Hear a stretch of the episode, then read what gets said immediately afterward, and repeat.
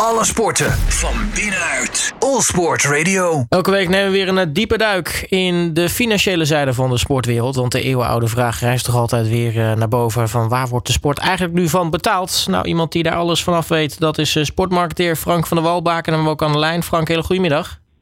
Goedemiddag Robert. Um, ja, de, de eerste vraag is denk ik uh, eentje die uh, toch uh, nou, veel voetballiefhebbers bezighoudt. is Chelsea nu eigenlijk al verkocht? Ja, het is zo langzamerhand een soort klucht aan het worden. niet alleen natuurlijk door het feit dat door de Oekraïne-oorlog de club te koop is gezet, omdat die eigendom is van meneer Abramovic en die behoort weer tot de inner circle van meneer Poetin. Maar goed, het is weer een nieuwe fase ingegaan. De club maakt vorige week bekend dat de Amerikaan meneer Todd Boehly met achter zich een aantal Amerikaanse private equity fondsen de favoriet was voor de koop. Eh, Chelsea zou nog een schuld hebben overigens van anderhalf miljard pond aan de eigenaar Roman Abramovic. Maar die had al eerder geroepen in een soort charme-offensief dat hij die schuld kwijt zou schelden. Maar ja, als je goed bent voor 13 miljard kan je dat je wel veroorloven. Maar nu echt een groot deel van die 13 miljard is bevroren door de Engelse regering komt hij weer terug op die belofte. Althans, de op papier formele eigenaar van de club. En dat is een op Jersey geregistreerde brievenbusfirma Camberley International Investments. Waarvan publiek bekend is dat dat Abramovic is, maar waarvan juridisch kennelijk dat niet bekend is. En daar bedoel ik mee dat meneer Abramovic heeft kennelijk via familieleden dat juridisch zo dichtgetimmerd dat deze firma nu kan eisen dat die schuld wel degelijk moet worden terugbetaald. Dus daar is het laatste nog niet over gezegd. Maar hoe dan ook, ehm, de Engelse regering is hierbij betrokken en die heeft sowieso alle opbrengsten van de verkoop van Chelsea bevroren. En uh, heeft al toegezegd dat het wordt, zal worden aangewend om Oekraïne te helpen. Het zij in de oorlogvoering, het zij in de, in de herstelwerkzaamheden die straks noodzakelijk zijn. Uh, dat gezegd hebbende kwam er gisteren het bericht dat Chelsea zou hebben besloten om toch met meneer Todd Boehly in zee te gaan. Terwijl er ook nog een andere partij zich had gemeld. En dat was niet de eerste de beste. De rijkste meneer van Engeland, meneer Jim Radcliffe. Sir Jim Radcliffe. Die was opeens in beeld gekomen. Nou, meneer Radcliffe kennen we als eigenaar, oprichter en CEO van het Ineos-concern. Dat onder andere een, eh, een wielerploeg heeft, zoals we allemaal kennen. En geen goedkope ploeg. Die 150 miljoen pond heeft gestoken in de America's Cup die uh, eigenaar is van eh, OGC Nice, de uh, club in Frankrijk. dus die meneer die wilde ook wel Chelsea kopen voor 4,25 miljard pond. En die beloofde de fans, ik ga van Chelsea het Real Madrid van, en Bayern München van München, respectievelijk Madrid en München, ga ik Chelsea een dergelijke club maken van Londen. Nou, het leek dus een two-horse race te worden, maar nogmaals, gisteren verscheen dus het bericht dat Chelsea zou hebben besloten in zee te gaan met meneer Booley. Maar meneer Radcliffe heeft uh, vanochtend in de Engelse pers al geroepen dat hij uh, zich niet neerlegt hierbij. En dat de handtekeningen, zolang die nog niet zijn gezet, hij in de race is om ook eigenaar te worden van de club. Wordt dus vervolgd, Robert. Zeker, en er wordt nog een aardig robbertje vechten dan om uh, het eigenaarschap van Chelsea. Um, dan uh, shirtsponsoren. Ook daar zijn weer wat uh, onderhandelingen of uh, nieuwe partijen aangaande met verschillende clubs. Laten we beginnen met Liverpool. Want het contract dat ze hebben met Standard Chartered, dat loopt binnenkort af. En de onderhandelingen daarover zijn begonnen. Ja, het loopt pas volgend jaar zomer af. Hè? Dus niet dit komende zomer, maar dus we hebben nog een seizoen te gaan. het contract is nu voor 50 miljoen dollars per jaar. Uh, Liverpool uh, ja, weet zich natuurlijk sterk door de goede resultaten. Hè. Ze zijn nog in de race, alhoewel de kans klein is om de Premier League weer te winnen. Maar ze zijn nog degelijk in de race voor de Champions League. Um, zij eisen nu, of eisen, ze vragen nu aan hun sponsor om te verlengen. Want Standard Chartered wil graag verlengen. Om dat bedrag van 50 miljoen maar even te verdubbelen naar 100 miljoen. Nou, um, dat is een forse stijging. Maar Liverpool weet zich sterk. Eh, niet alleen, zoals ik net al zei, door de sportieve goede resultaten. Maar ook door hun nummer 1 plaats op de ranglijst van meest verkochte voetbalshirts op aarde. Dat, uh, in de merchandising sfeer worden er jaarlijks ruim 2 miljoen shirts wereldwijd verkocht. En op die shirt staat natuurlijk Standard Chartered. En dat is natuurlijk zeer interessant voor een sponsor. Dus uh, ik ben benieuwd. Als die 100 miljoen zou lukken, uh, dan zijn zij nummer 1 uh, en dan zijn ze het hoogste shirt reclame deal in sport in de wereld. Op dit moment is dat Real Madrid. Daar betaalt Emirates, de airline vanuit Dubai, betaalt 73 miljoen dollar per jaar. En dan het andere nieuwtje over shirtsponsoren. Want ook Atletico Madrid heeft nieuws. Sterker nog, die hebben deze week een nieuwe shirtsponsor getekend. Ja, die hebben getekend. Dat zal ongetwijfeld pas ingaan in het komende seizoen.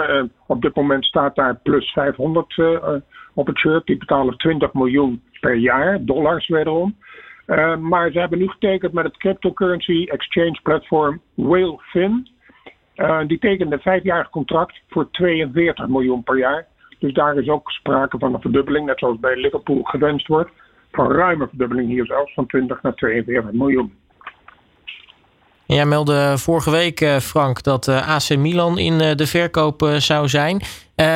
nou, dat was een exclusieve deal, zou dat dan zijn? Of in ieder geval een exclusieve onderhandeling. Dus maar één partij zou zich daarmee gaan bemoeien. Maar inmiddels heeft een tweede partij zich toch gemeld. Ja, um, dus de, het bericht meldde dat Investcorp, um, dat is een, een, een, ja, een investeringsconsortium ja, gebaseerd in Bahrein. Uh, die zouden in exclusieve gesprekken zijn met de, de club uit Milan. Uh, voor een bedrag van 1 miljard euro zou Investcorp de club willen overnemen. Nou, ondanks die exclusieve status heeft zich toch een tweede koper gemeld. Het niet onbekende private equity fonds vanuit Amerika, Redbird Capital Partners. Die, zijn, die zijn kennelijk niet geschrokken van die 1 miljard en die willen ook onderhandelen. Um, dat Redbird Capital Partners is geen onbekende in de sport. Uh, het zit al voor 750 miljoen dollar in de Fenway Sport Group. En dat is weer de eigenaar van Liverpool. Dus ook dit traject wordt zeker vervolgd. Dan uh, gaan we het hebben over uh, Kylian Mbappé. Want die heeft bijgetekend bij Paris Saint-Germain. zou natuurlijk eigenlijk naar Real Madrid willen. Dat was in ieder geval lang gaande. Maar heeft toch bijgetekend. En gaat dan toch nou, een, een, genereuze som van 50 miljoen per jaar verdienen. Ja, er werd lang geroepen dat hij niet happy zou zijn in de glamour aanvalslijn van Paris Saint-Germain. Natuurlijk met Neymar en Lionel Messi. Dat is een soort droomvoorhoede. Maar goed, hij heeft kennelijk is, is overtuigd om niet naar Real Madrid te gaan. Heeft bijgetekend tot 2024 bij Paris Saint-Germain. Het, het glamour, glamour. En hij gaat daar 50 miljoen per jaar verdienen. Dat is dus zeg maar rustig 1 miljoen per week. Um, nou, dat zijn natuurlijk krankzinnige bedragen. Maar uh, ja, het marktmechanisme kan het kennelijk zich veroorloven. Want hij is echt niet de enige sporter die dat, dit soort geld verdient. Want onze eigen Max, die zit ook ongeveer aan dat bedrag uh, in de Formule 1. Dus uh, ja, waar is het plafond in wat er gaat betaald worden voor sterren? Jij mag het zeggen, Robert, ik weet het niet. Ja, ik vind 50 miljoen op zich al heel erg veel. Dus uh, nou, maar waarschijnlijk, de sportkenner kan het nog een stukje hoger. Um, ja. Dan uh, tennis, uh, pikante deal. Roland Garros die heeft namelijk voor vijf jaar getekend met Renault. En, en, waarom is dat dan pikant? omdat de, de, de, vorige autosponsor slash sponsor was Peugeot. Ja, Peugeot zit al jaren in het tennis. niet alleen in Frankrijk, maar, maar wereldwijd. Ze zijn onder andere de ja, privé-sponsor van Novak Djokovic. toch ook niet de beste, de eerste de beste, nummer één van de wereld. Maar uh, Roland Garros, uh, ja, de, de, de Franse inbreng in het Grand Slam circuit, uh, heeft voor besloten om voor 6 miljoen per jaar te tekenen met Renault. En naast die 6 miljoen moet Renault ook 160 auto's leveren voor vervoer van spelers en speelsters. En nadrukkelijk is overeengekomen dat het 160 elektrische Renaults zijn. Zodoende kan Roland Garros dus ook pronken met dat zij milieuvriendelijk bezig zijn. Maar ja, het is inderdaad pikant dat uh, Peugeot is daar dus verslagen door de grote concurrent uit eigen land, uh, Renault.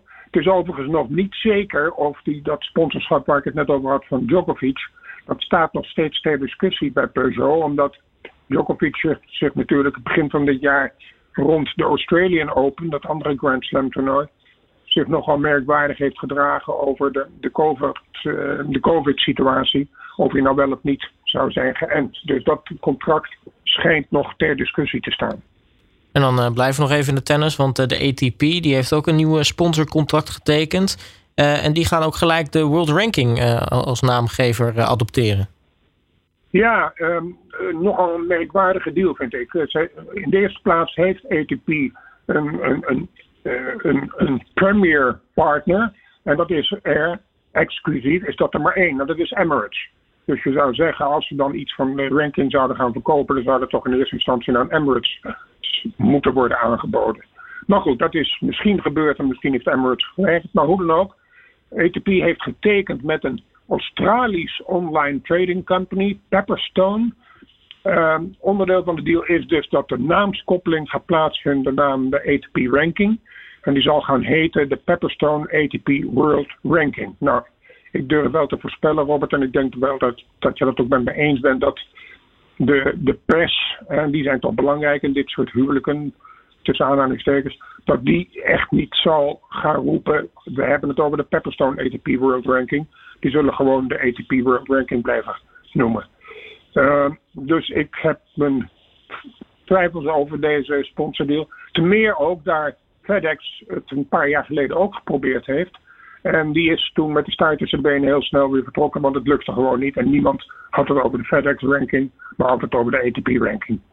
Ja, want eh, hetzelfde geldt natuurlijk voor uh, in het voetbal. Uh, de FIFA Wereldranglijst heeft volgens mij officieel ook de, de Coca-Cola FIFA World Ranking. Maar daar heeft ook nooit iemand het over eigenlijk. Nee, er is geen hond die dat weet. dat, dat schijnt een onderdeel van het contract te zijn met Coca-Cola inderdaad. Maar niemand noemt het zo. En het is ook begrijpelijk dat moet je ook niet willen als sponsor. Ik denk dat het eerder averechts werkt dan dat het voor je werkt. En het kost nog veel geld ook. En dan uh, sluiten we af met uh, Formule 1. Uh, eh, want laten we dan beginnen met goed nieuws. Want Audi en Porsche gaan instappen in de Formule 1. Ja, dat is leuk. Het is ook pikant natuurlijk, omdat het beide Volkswagen-merken zijn. Maar die worden volledig separaat gerund van elkaar. Natuurlijk ook twee volstrekt verschillende auto's. Maar goed, ze hebben besloten allebei in te stappen in de Formule 1. Uh, niet met een nieuw eigen team, maar met bestaande teams. Um, Audi zou de ogen hebben gericht op McLaren. dat rijdt nu met Mercedes-motoren. En dan zou het natuurlijk, als dat doorgaat, met Audi-motoren gaan rijden. Uh, maar Audi zou zelfs hebben aangegeven dat ze bereid zouden zijn het hele team over te nemen. En dan wel voor het bedrag van 500 miljoen dollars. Uh, als we het over Porsche hebben, die zou aan boord willen stappen bij ons alle Red Bull team, waar Max natuurlijk uh, furoren maakt. Uh, dat op dit moment rijdt met Honda motoren, die intussen zijn in eigen beheer door Red Bull zijn overgenomen, want Honda heeft zich teruggetrokken zoals bekend mogen zijn. Maar een en ander is wel niet per direct. Het zou pas ingaan vanaf het seizoen 2026, wanneer er weer nieuwe regels gaan tellen voor de motoren. En uh, het de ja, zowel Audi als Porsche natuurlijk tijd geeft om zich perfect voor te bereiden. Want dit zijn het soort merken dat ze niet kunnen veroorloven om de Formule 1 in te stappen en vervolgens achteraan uh, te rijden. Die willen in één keer uh, aan boord zijn bij de winnaars. En dan tot slot uh, Liberty Media, want nou ja, die, die hebben volgens mij een lekker eerste kwartaal gedraaid dit jaar. Ja, dat het Formule 1-circus aan populariteit wint, mogen algemeen bekend zijn. Hè. Dat heeft natuurlijk alles te maken met uh, het voorseizoen Hamilton tegen Max. En nu dit seizoen Leclerc tegen Max. Uh, spannender dan ooit. Maar ze hebben een goed kwartaal, eerste kwartaal van 2022 gedraaid. Met een omzet van 360 miljoen dollars en een winst van 34 miljoen. Uh, het eerste kwartaal vorig jaar uh, maakte Liberty op Formule 1 een verlies van het ongeveer hetzelfde bedrag van 34 miljoen. Uh, het gaat niet alleen goed met Formule 1 uh, uh, in, in Europa door Max natuurlijk, maar met name in de Verenigde Staten is de groei opvallend. Ondanks het feit dat er op dit moment geen Amerikaanse coureur in het circus optreedt. En je zou zeggen, zeker het chauvinisme in Amerika, dat dat wel eens tijd zou worden. Nou, in ieder geval is het zo dat Liberty Media de ogen dus heel duidelijk op Amerika heeft gericht. Want uh, er komt een race bij, zoals al eerder gemeld, in Las Vegas. En Liberty is bereid 240 miljoen dollar te investeren in de aanleg van dat circuit. Nou, dat zegt weer genoeg. Overigens uh, lijkt het erop, eh, ik zei net al, geen Amerikaanse coureur in het Formule 1 circus. Uh, we hebben wel al een Amerikaanse stal een Formule 1-stal van Haas in de Formule 1. En daar dreigt nu, uh, in de goede betekenis van het woord dreigen, een tweede Amerikaanse Formule 1-stal bij te komen. En niet een, uit onbekende hoek, want um, de alom bekende Formule 1-coureur, voormalig topper Mario Andretti, heeft een eigen Andretti Autosport uh, bedrijf. En hij heeft aangekondigd de Formule 1 te gaan betreden in 2024.